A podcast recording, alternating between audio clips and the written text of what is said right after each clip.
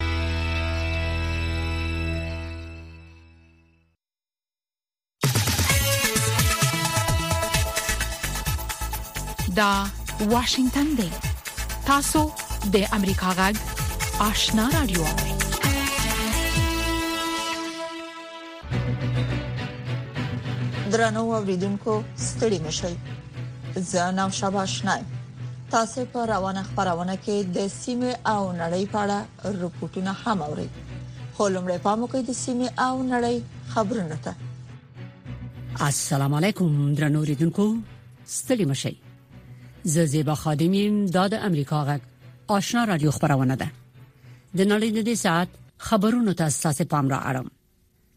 د پاکستان سرپرست صدر اعظم انور الحق کاکړ ویلي دي چې د تحریک طالبان پاکستان ډله په افغانستان کې ده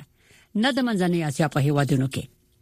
کاکړ د جیو نیوز ټلویزیون سره په مرکه کې ویلي دي چې دا د زغم وړ نه ده چې د افغانستان د خاورې نه د پاکستان خلاف کار اخیستل کیږي او طالبان ورته ګوري د طالبانو ویاند ذبیح الله مجاهد د پاکستان د سرپرست صدراعظم د دې تازه څرګندونو په حق له د ازادۍ د رادیو د پښتنې په جواب کې سندې ویلي خو مخکې څو څو واري ویلي دي چې دوی هیڅوک نه پریدي چې د افغانستان نه بل ملک ته خطر پېښ شي د مهاجرو او افغانستان ته د ستنیدونکو افغانانو د پاره د طالبانو د سرپرست حکومت وزارت وایي پرون 1592 تنه افغان مهاجر د ایران نه افغانستان ته ستانه شول دغه افغانان په جبري ډول او یا هم داوطلبانه ډول افغانستان ته رسیدلي دي د مهاجرو د پاره د ایران د ملي ادارې یو مشر ویلي دی چې د اسد د میاشتې رئیس تر اوسه سلور نیم لک بیا اسناد افغانان په خپل خوخه بیرته افغانستان ته تللي دي د ایران مشهور سیاستمدار غلام علي حداد پرون خبرداری ورکړ چې ایران باید د غزې په تړانګې کې په جګړه کې ځان دخیل نکړي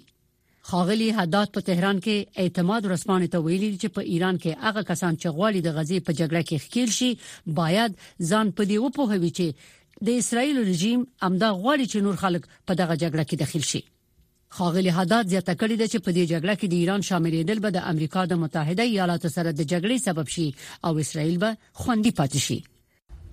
د پاکستان پوځ وایي چې د ډیورن کرښه ته څیرمه د دې هیواد په شمال لویدیځ کې د افراطي وسلوالو سره بیګا په جګړه کې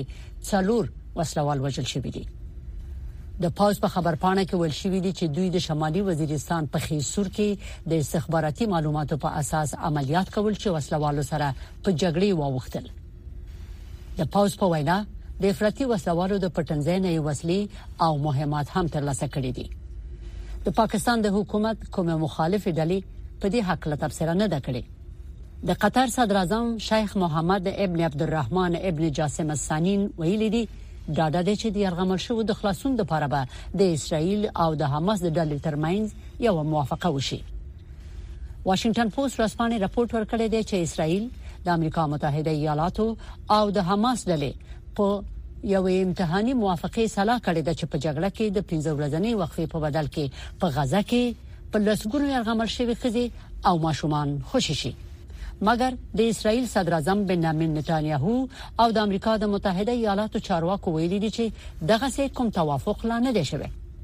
د اکتوبر د میاشتې په اومه حماس په اسرائیل باندې په حمله کې لږ تر لږه 1200 کسانو وژل او 240 اسرائیلیان یې يرغمل کړل د افغانستان سیمه او نړۍ خبرونه د واشنگټن نه اوري د جرمني صدر اعظم اولف شولز د اسرایل د صدر اعظم بنیامین نتانیاهو سره پرون په ټلیفون کې غږیدل او په غزي کې د اوربنغه کړې چې خلکو ته بشري خدمات برابر شي د جرمني د حکومت د معاون نطاقي کریستن هافمن په برلین کې ویلي دی چې خاغلی شولز د غزې په تړانګه کې د خلکو د بشري وضعیت په خکېدو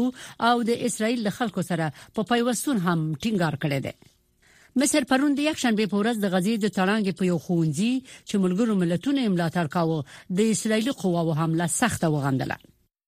د مصر د بارانیو چارو وزارت وایي دا د فلسطینی وګړو د حقوقونو ښکارا سرغړونه ده د اردن د بارانیو چارو وزارت هم دا برید د اسرایل د وحشتناک روان جګړې یو بل مورد او د نړیوالو قوانینو نه سرغړونه بللې ده راپورټونه وایي چې ګڼ شمېر کسان پرون هغه وخت وژل شوی دي چې د غزې د تړانګې په شمال کې د ملګرو ملتونو په یو خوندزي د توغندیو برید وشو د هند چارواکو په یو نړیدلي تونل کې د کارګرو د ژغورنې لپاره تازه هڅې پیل کړې په همالیه کې د تیرې ونې د ژغورنې هڅو نتیجه نه ده ورکړې او د نوومبر د میاشتې د 12مې رئیس یو څلوي کسان په یو تونل کې بند پاتې دي او د یو پایپلاین لارې ورته خواړه رسول کیږي د دې تونل د نړیدلو علت تر اوسه نه دی معلوم دا واشنگټن دی د سیمې او نړۍ خبرونه اوري د ارمنستان صدر اعظم نیکول پاشینیان وایي که څه هم د آذربایجان سره د سولې د تړون په حق له اصولا سلا مشورې شوي خو بیا هم دواړه هیوادونه په ډیپلوماټیکو ژبو خبرې کوي آذربایجان د سپټمبر په میاشت کې په نوګورنو قرباغ کې پوځي کمپاین پیل کړی دی د دغه عملیاتو له کبله په دې سیمه کې د هغو خلکو د دریو لسیزو واکمنۍ ختمه شوې ده چې په خټه ارمنیان وو همداشان د دې سیمې نه یو لک شل زره خلکو کډه کړې ده نګورنو قرباغ په نړیواله سطح د آذربایجان د برخې په حیث پر رسمیت پیژندل شوې ده د امریکا د متحده ایالاتو جمهور رئیس جو بایدن وایي چې د اسرایل او حماس د ډلې د جګړې وروسته د غزې تړانګه باید د فلسطینی ادارې لخوا کنټرول شي متحده ایالات او اروپایي ټولنه حماس یو تروریستي سازمان ګڼي زیبا خادم امریکا غږ واشنگتن د سیمه او نړۍ خبرونه واوریدل په موقع د سیمه او نړۍ په اړه رپورټونه ده د طالبانو د حکومت د عامه روغتیا وزارت وایي چې قطر په مرسته به په نږدې راتلونکي کې په قندار کې 400 بستریزه روغتون د جوړولو کار پیل شي د دغه وزارت ویاند وایي چې همداشان قطر ژمنه کړې چې افغان ډاکټرانو ته به په دغه هیواد کې د تخصصي پروګرامونو په ترڅ کې روزنه ورکړي نور حال د اکرام شینواری پر رپورت کې د طالبانو د حکومت د امر روغتیا وزارت وایي ډاکټر شرابت زمان امرخیل د ایکس په ټولنیزه شبکه کې د دغه وزارت په پاڼه په ویډیوي وینا کې ویلي چې په کندهار کې د قطر په مالی ملاتړ د یو څلور سو بستري روغتون د جوړیدو په اړه د دغه وزارت او د قطر د چارواکو ترمنځ خبرې بشپړې شوې او ټاکل شوې چې ژر به د دغه روغتون کار پیل شي د نګدي کې به په کندهار ولایت کې څلور سو بستري روغتون د قطر هواد لوري جوړیږي په هغه اړه باندې هم خبرې نهایي شو ان شاء الله امید ده چې په نګدي کې به عملی چارې پیل شي قطر د 2010 کال راهیسې په دوحه کې طالبانو د سیاسي دفتر کوربه دی په تیرو دوه کلونو کې په افغانستان کې وخت طالبانو د بیا رسیدو وروسته قطر د افغانستان د بیا رغونې په برخه کې ډیر څه نه دي کړي یوازې تیر میاشت یو قطري شرکت د جبل سراج د سیمنټو په فابریکه کې د لسګونو میلیونو ډالرو پانګونه کړې خو د طالبانو د حکومت د امر روغتیا وزارت وایي وایي چې قطر د افغانستان د امر روغتیا سکتور سره د مرستو ژمنه کړې او ویلي دي چې یو شمېر افغان ډاکټرانو ته په دغه هیواد کې د تخصصي پروګرامونو په ترڅ کې روزنه ورکړي په د قطر هیواد سره زموږ تفاهم دې ته ورسېدو چې وکولای شو په د نوي کې به ان شاء الله د هغه افغان ډاکټرانو چې په داخل د هیواد کې د هغوی لیستونه د هغوی سره شریک کړو ترڅو وکولای شو په تخصصي برنامو کې هغوی په قطر هیواد خپل زده کړې پیل کړي دا هغه څه ول چې موږ هلته د هیوادونو سره د هغوی د استادو سره شریک کړل او ان شاء الله امید لري چې په د نوي کې به ان شاء الله په دغه برخه کار وشي د روغتیا وزارت ویاند شرافت زمان امرخیل وایي چې د افغانستان د روغتیا د سکتور خپل پخو درول لپاره د افغانستان بهر ډاکټرانو او متخصصینو ته بلنه ورکړي چې وطن ته ستانه شي او د دغه سکټور له لارې افغانانو سره مرستې وکړي. پلان همداسې ده چې وکولای شو هغه افغانان چې د هېواد څخه په تېرو شلو کالو کې وتلي دي بېرته خپل هېواد ته راستانه شي او روغتیايي خدماتو کې یا په ځینو نورو برخو کې کار وکړي. د عامې روغتیا وزارت هم د اسلامي امارت د پالیسۍ مطابق هغه افغان ډاکټران چې مخکې په تېرو شلو کالو کې د هېواد څخه وتلي ول هغه ټول بېرته خپل هېواد ته رابللي دي. موږ په بېلابېلو وختونو کې د افغان ډیاسپورا سره چې مجالس تر سره کړي دي، هغوی دا ښودلې، د هغوی خپله خوښي ښودلې چې هغوی به بېرته انشاالله خپل هېواد ته راځي. همدارنګه په دا وروستیو کې ځینې افغان متخصصین چې په نورو هېوادونو کې ول، هېواد ته راغلي دي او لله الحمد په بېلابېلو برخو کې خدمات پیل کړي دي. د دوه زره یوویشتم کال د اګست په میاشت کې په افغانستان کې واک ته د طالبانو د بیا رسېدو وروسته نه یوازې یو شمېر متخصص او په کارپوه ډاکټران له افغانستان څخه بهرنیو هېوادو ته تللي او د بلې خوا نړیوالې ټولنې هم له دغه هېواد سره د روغتیا د سکټور په ګډون مرستې ډېرې کمې کړې دي. د مرستو د کمېدو له امله د سره صلیب نړیوالې کمېټې چې د تېرو نږدې دوه کلونو راهیسې په افغانستان کې دېرشو څخه زیاتو روغتونونو ته مالي ملاتړ برابراوه، د روان کال د سپټامبر له میاشتې وروسته دغو روغتونونو ته د ملاتړ د برابرولو څخه لاس واخیست. اوسمهال د دغو روغتونونو کارکوونکو ته د عامې روغتیا وزارت معاش ورکوي، خو دا روغتونونه ناروغانو ته د درملو د برابرولو په برخه کې مالي امکانات نه لري. انتظار پای ته ورسید ترنو لیدونکو او اوریدونکو تاسو کولی شئ د امریکا غا ټلویزیونی او رادیوي خبرونه د یاشات ساتلایت له طریقو وګورئ او واورئ د نوي ساتلایت لارې تاسو د آشنا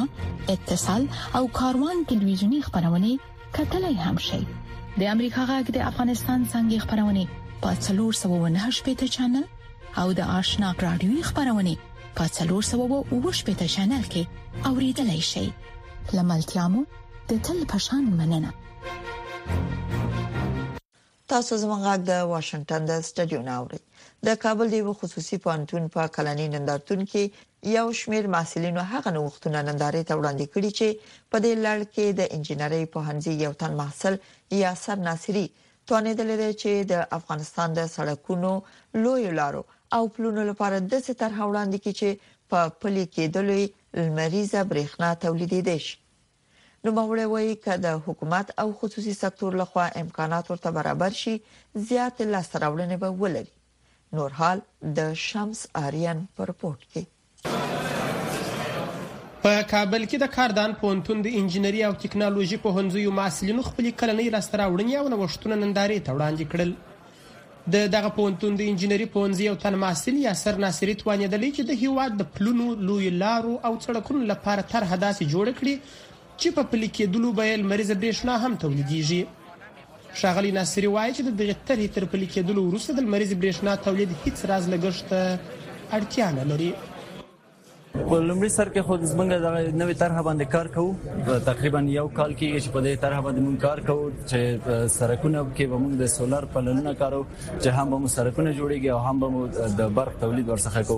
نو د خوبیانې دا دي چې هم مصرف کم دی د جوړولو او هم دا چې د برق تولید ورڅخه کول شو دا غي برق څخه موږ د سرک د روښانولو لپاره او حتی دا غي کولو لپاره چې د دولتي برق لپاره لاسرسي نه لري دا غي لپاره د برق هم بندوبست کولای شي که څه هم شاغلی یاستر دغه طرح ته زیات هیله مند دی نوموړی له شرکتونو غوښتنه کوي چې ملاتړ یې وکړي. که چېرته موږ همدغسې حمایت شو د دولت لخوا نه د شخصي کمپنیګانو لخوا نه نو کولی شو انشاءالله په نوې طرحې هم نور به هم مخکې لاړ شو د دغه طرحې په جوړولو کې د ښاغلي ناصري سره نور ټولګیوال هم ملګري دي د نوموړي ټولګیوال د نورو ورته طرحو او پروژو هیله کوي واقعا اینجا افتخار است که همچون انجینران داخل کشور ما داریم و همچون خلاقت میکنند چون هر پروژه یا طرح یک جدید که ما جور میکنیم در اول در نخست پروژه از طرح می باشه که مثلا ضرورت کشور خود در نظر گرفته می باشه انجینر صاحب بسیار یک نقطه مهم داخل کشور ارزیابی کرده و یکی که ضرورت خاص ما به برق است و ما میتونیم تا سرک بتوانیم به هم به کشور خود بسند برق مهیا کنیم و هر رقم ضرورت دیگه که مردم کشور ما به او هم فراهم شود بل لور ته د انجنیری پوهنځي استادان وایي چې د ناصری په څیر په لسګونو استعدادونه لري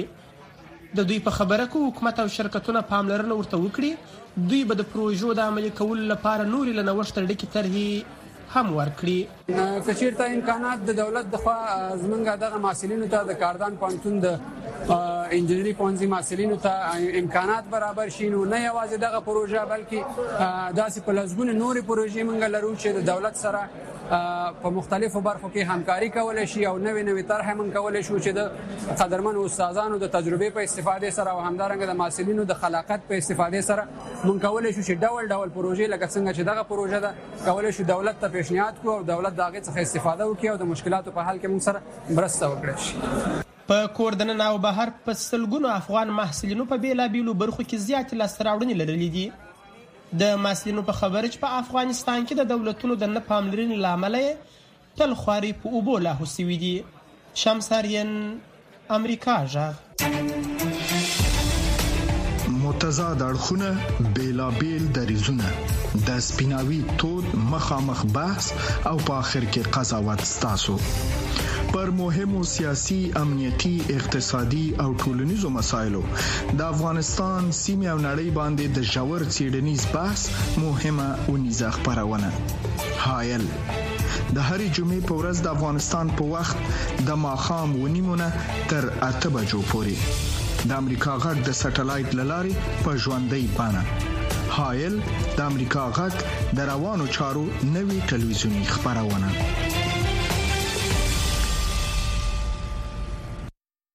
دا د امریکا غږ آشنا رادیو ده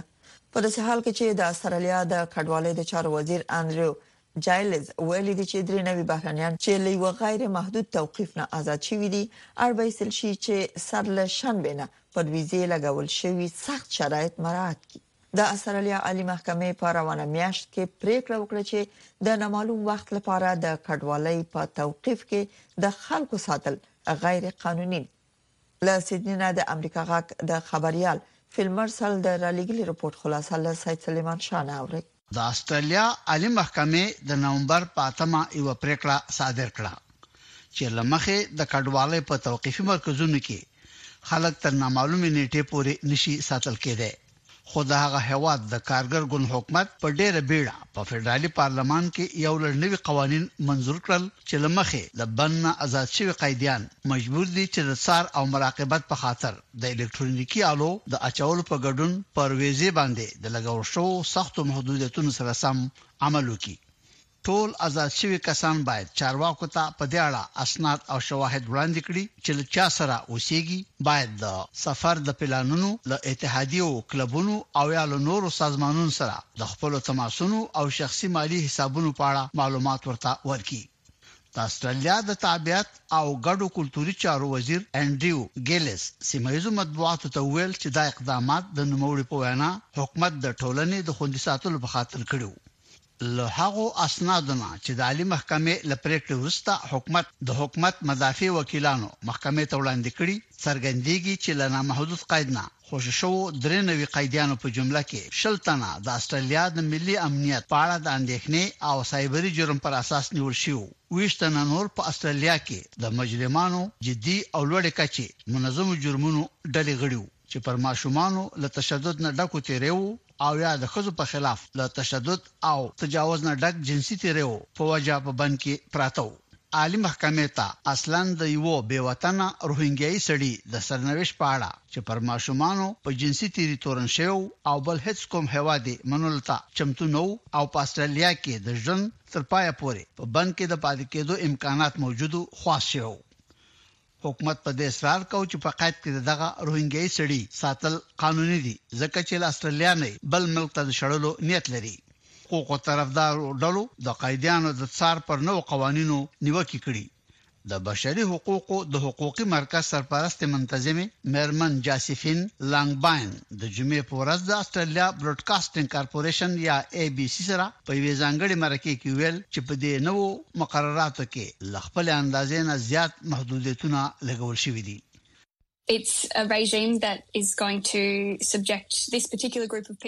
دا یو داسې رژیم دی چې د خلکو په دې ځانګړې ډلې باندې به دومره سخت محدودیتونه او ډېرې سختې جرمانې ولګوي چې په دې شان حالاتو او شرایطو کې به په استرالیايي ټولنه کې پر هیچا ونه لګول شي. کوم خلک چې په اوسنی وضعیت کې واقع دي هغه خلک دي چې خپل اصلي هوا ته بیرته سنیدل نشي ځکه چې یا خو دوی خپل وطن نه لري او یا دا چې کسانه هم شي د سخت زورونه لګواخ سره به مخامخ شي بیا هم د استرالیا حکومت ادعا کوي چې د کډوالو د څار په اړه اقدامات قانوني او متناسب دي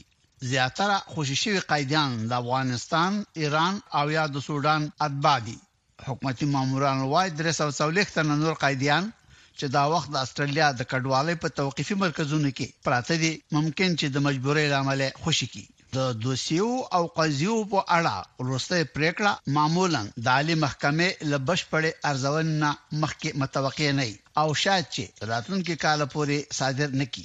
د عالی محکمې د قاضیانو د معمول طرز العمل لمخې هغوی د خپلو پرېکړو لپاره لیکلي دلیلونه ورکوي چې بیا وروسته یې په خپلې راتلونکې غونډې کې جاري کوي. سید سلیمان شاه، د امریکا غږ، واشنګټن. رپوټونو ته ادامه ورکوو. د اکتوبر په اوومه د حماس برید او ورپسې پوځي عملیاتو په اسراییلي ټولنه کې د یهودانو او مسلمانانو ترمنځ واټن لا پسې ډېر کړی دی. خو ځینې کورنۍ په دې باور دي چې عرب او یهودان کولی شي یو ځای ژوند وکړي. او د یو ځای ژوند کولو زده کړه په ښوونځي کې پیل کیږي نور حال د پیلر سیورن په دې رپورت کې ګي الحنان یو اسرایلی دی چې په خپل خوخه ماشومان په داسې خوندزو کې شامل کړي چې يهودي او مسلمانان زده کوونکي په ګډه ټولګو کې ناست وي There are many benefits if I have to choose one د دې ډېرې ګټې دي، که زه يو انتخاب وکړم چې هغوی د اسرائيلي، يهودي، هويت دغه مهم عنصر ونه لري، هغه د بل څخه وېره ده. ګي وايي چې هغه د يوې داسې اسرائيلي ټولنې په وړاندې مبارزه کوي چې د هغه په وينا په شخړو کې ښکېل ده او د وېش، پرديوالي او جنجال لور ته روانه ده. یهودا نسلونه نسلونه یو ځای په یو ګډ فرهنګ کې لوی شوي، دوی له یو بل پرته وجود نه لري. له همدې له امله هغه غوښتل چې ماشومان یې د نورو مسلمانانو زده کوونکو، اسراییلي عربانو او د فلسطینیانو اولادونو سره ښوونځیو ته لاړ شي. هغه په نولس سوه او اته څلوېښت کې د اسراییل د خپلواکۍ وروسته د دې هېواد برخه دی. حیفا د اسرائیل یو ځانګړی ښار دی او د هغو ځایونو څخه دی چې چې يهودان او مسلمانان ودونه کړي او ګډ ژوند کوي او د زغم یو ټولنه جوړه کړې ده زه خپل ټولو گاونډیانو ته بلنه ورکوم چې له موږ څخه ویره لري زه نه پوهیږم چې دوی ولې ویره لري دوی ته ووایم چې موږ دلته له اسرایل مخکې او له اسرایل وروسته په سولېز ډول ژوند کوو او موږ په گاوند کې په ګډه ژوند کوو د اوس لپاره د غزي جګړې اختلافات رامنځته کړي او دا ورشته چې د غزي څخه بهر هم خپور شي خو دلته په دې ځای کې چې اسرایلیان او مسلمانان پکې ګډ ژوند کوي داسې کسان شته چې لا هم په دې باور دي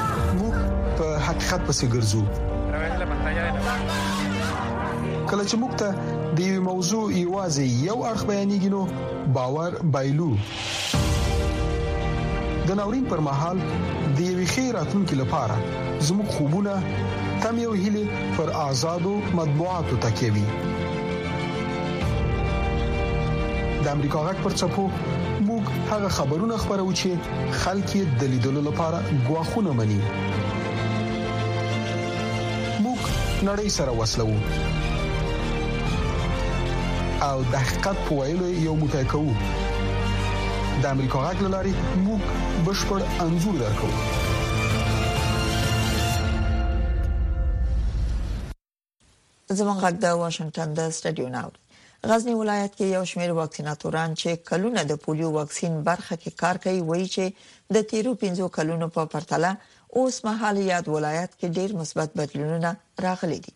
او اوس مهال غزنی ولایت کې د ګوزڼ واکسین څاڅکي له 15 کلونو کم عمر ماشومان ته په منظم ډول او په خپل ټاکلي وخت سره کور په کور تطبیقيږي مریم صافی په اړه رپورت لري غزنی ولایت کې یو شمیر واکسیناتوران چې کلونه د ګوزڼ واکسین د تطبیق برخه کې کار کوي له امریکا غږ سره په خبرو کې وایي چې د تېرو پنځو کلونو په پرتله اوس مهال یاد ولایت کې د ګوزڼ څاڅکو تطبیق برخه کې ډېر مثبت بدلونونه رامنځته شوي او اوس مهال غزني ولایت کې د ګوزڼ واکسین څاڅکي له پنځو کلو کم عمره ماشومانو ته په منظم ډول او په خپل ټاکلي وخت سره کور په کور تطبیق کېږي. حاجي عزیز چې د تېرو شلو کلونو را په دې خوا په غزني ولایت کې ماشومانو ته د ګوزڼ ضد واکسین څاڅکي ورکوي، له امریکا غږ سره په خبرو کې وايي، چې د تېرو پنځو کلونو په پرتله اوس مهال یاد ولایت کې ماشومانو ته د واکسین د تطبیق برخه کې ډېر مثبت تغیرات راغلي چې یو یې هم هر ماشوم ته کور په کور د واکسین رسول دي. قبلا واکسین پولیو مسجد به. مخکې د پولیو واکسین جومات په جومات تطبیق کېدو او د سړې هوا او د لرو سیمو له کبله به ډېری خلکو خپل ماشومان د واکسین لپاره جوماتونو ته نه راوستل. او ډیری ماشومان له واکسین څخه پاتې کیدل خو اوس له نیکه مرغه امنیتي شرایط ښه دي او مسؤلین هم له موږ سره همکاري لري او کمپاینونه کور په کور تطبیق کیږي خانه به خانه اجرا می شود له بلې خوا ډاکټر ګل ولي ولیزی چې د تیرو شپږو کلونو را په دې خوا غزني ولایت کې د ګوزڼ واکسین تطبیق برخه کې کار کوي له امریکا غږ سره په خبرو کې وایي اوس مهال یاد ولایت کې د ګوزڼ واکسین د دوی لخوا په پوره دقت او بریالیتوب سره تطبیق کیږي. او اوس بهتري او مثبت تغیرات په دغو باندې راغلي چې اوس ډیر ښه دقت باندې د ټولو سپروایزرانو مشخص مارکر پلان او کوم شیان چې دوی ته کوم مواد ورکول کیږي ډیر ښه په وخت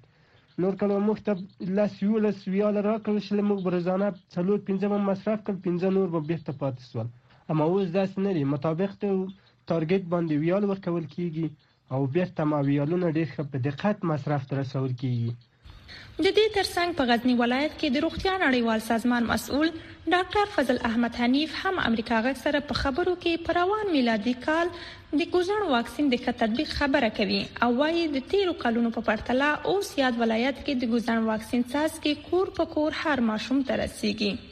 دوه زره درویشتم کال کې په مې، اګست، سپټمبر، اکتوبر کې څلور کمپاینونه په ډېر ښه او معیاري شکل باندې کور په کور تطبیق شول او ټول هغه تر پنځه کاله کم ماشومان چې وو هغوی ته په صحیح او درست مناسبه توګه د پولیو واکسین څاڅکي ورسېدل په پلان کې ده سي نومبر په ویشته مه بیا هم بل کمپاین تطبیق سي تیغه لپاره مادګي روانې دي. د روغتیايي چارواکو په وینا، په غزني ولایت کې په تېرو پنځو کلونو کې د پولیو ناروغۍ د محوې کمپاینونه په مختلف حالاتونو کې وو. د دوی په وینا، د دوه زره او اتلسم څخه تر دوه زره او یوویشت میلادي کال پورې د ګوزڼ د محوې کمپاینونه په مکمل ډول بند وو او اوس مهال کمپاینونه په صحیح ډول او په خپل وخت سره تطبیق کیږي. درنو اوریدونکو دا د اوس په یو سرمقاله ووري چې د امریکا د حکومت نظر څرګندوي امریکا د نومبر د میاشتې په 12مه نیټه په ختیځه سوریا کې په هغو مرکزونو باندې په بیړه نوې هوایي حمله وکړه چې د ایران د صفای انقلاب یا آی ار جی سي او د دې د نوبتي قواو لخوا ورنه کار اخیستل کېدو په داسې حال کې د دفاع وزیر لوید استین ان په ورکل شوی وینا کې وویل په عراق او سوریه کې د مرکه پرسونل په خلاف د دوامدار حملو په جواب کې شوی دوی په ترتیب سره د ابو کلام او مایا الدین خارونو ته د روزنې د مرکز او د ژغورنې خونې په خلاف شوې دا دریم ځل دی چې د آی آر جی سی پورې د مربوطو ډلو لخوا د اکتوبر د میاشتې د 18 نیټې نه را پدې خو د امریکا په بیسونو او قواو باندې د څه باندې څلوېښتو حملو په ځواب کې امریکا دا رنګه حملې کړې دي. د دفاع وزیر آستین نو ویلي، جمهور رئیس بایډن د دغو حملو امر ورکړ چې څرګنده کړي چې امریکا به له خپل ځان نه، د خپلو پرسونلو او د خپلو ګټو نه دفاع وکړي. تقریبا 2500 امریکایي عسكر په عراق کې دیر دي او 900 په سوریه کې دیر دي چې محلي قوا سره مرسته وکړي چې د اسلامي دولت دوامدار ماتي خوندې کړي د آی آر جی سی پورې د مربوطو ډلو لخوا لتازه حملونه د امریکا لږ تر لږه شپږ پنځوس پرسونل یا د مغز یا د نورو کمو زخمونو کړاو ګالي. رپورټونه وایي د امریکا ټول ټپي شوي عسکر بیرته کار ته تللي دي.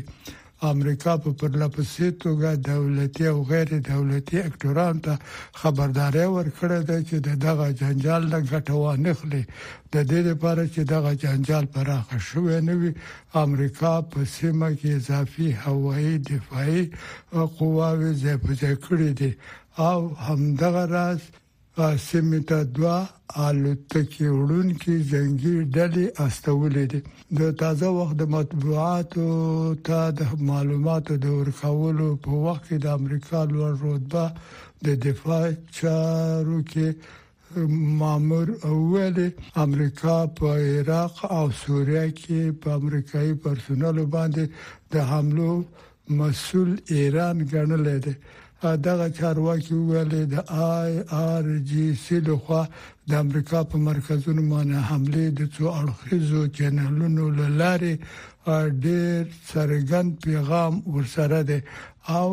دا د ایران لوړ رتبه مشرانو ته پیغام دا دی، موږ له تاسو نه غواړو چې خپل نیابتي او ملیشیايي ډلو ته لارښوونه وکړي چې پر موږ باندې حمله ودروي. سیول ته د سفر په وخت کې خبریالانو ته د خبرو په ترڅ کې د نومبر د میاشتې په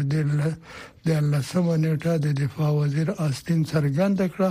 دغه حمله باید ودرول شي او کو دوی و نه درول شي نو په هغه صورت کې موږ به د هغه څه کولو کې زړه نازړه نه و چې ضرور وي چې خپل عسكر اروژورو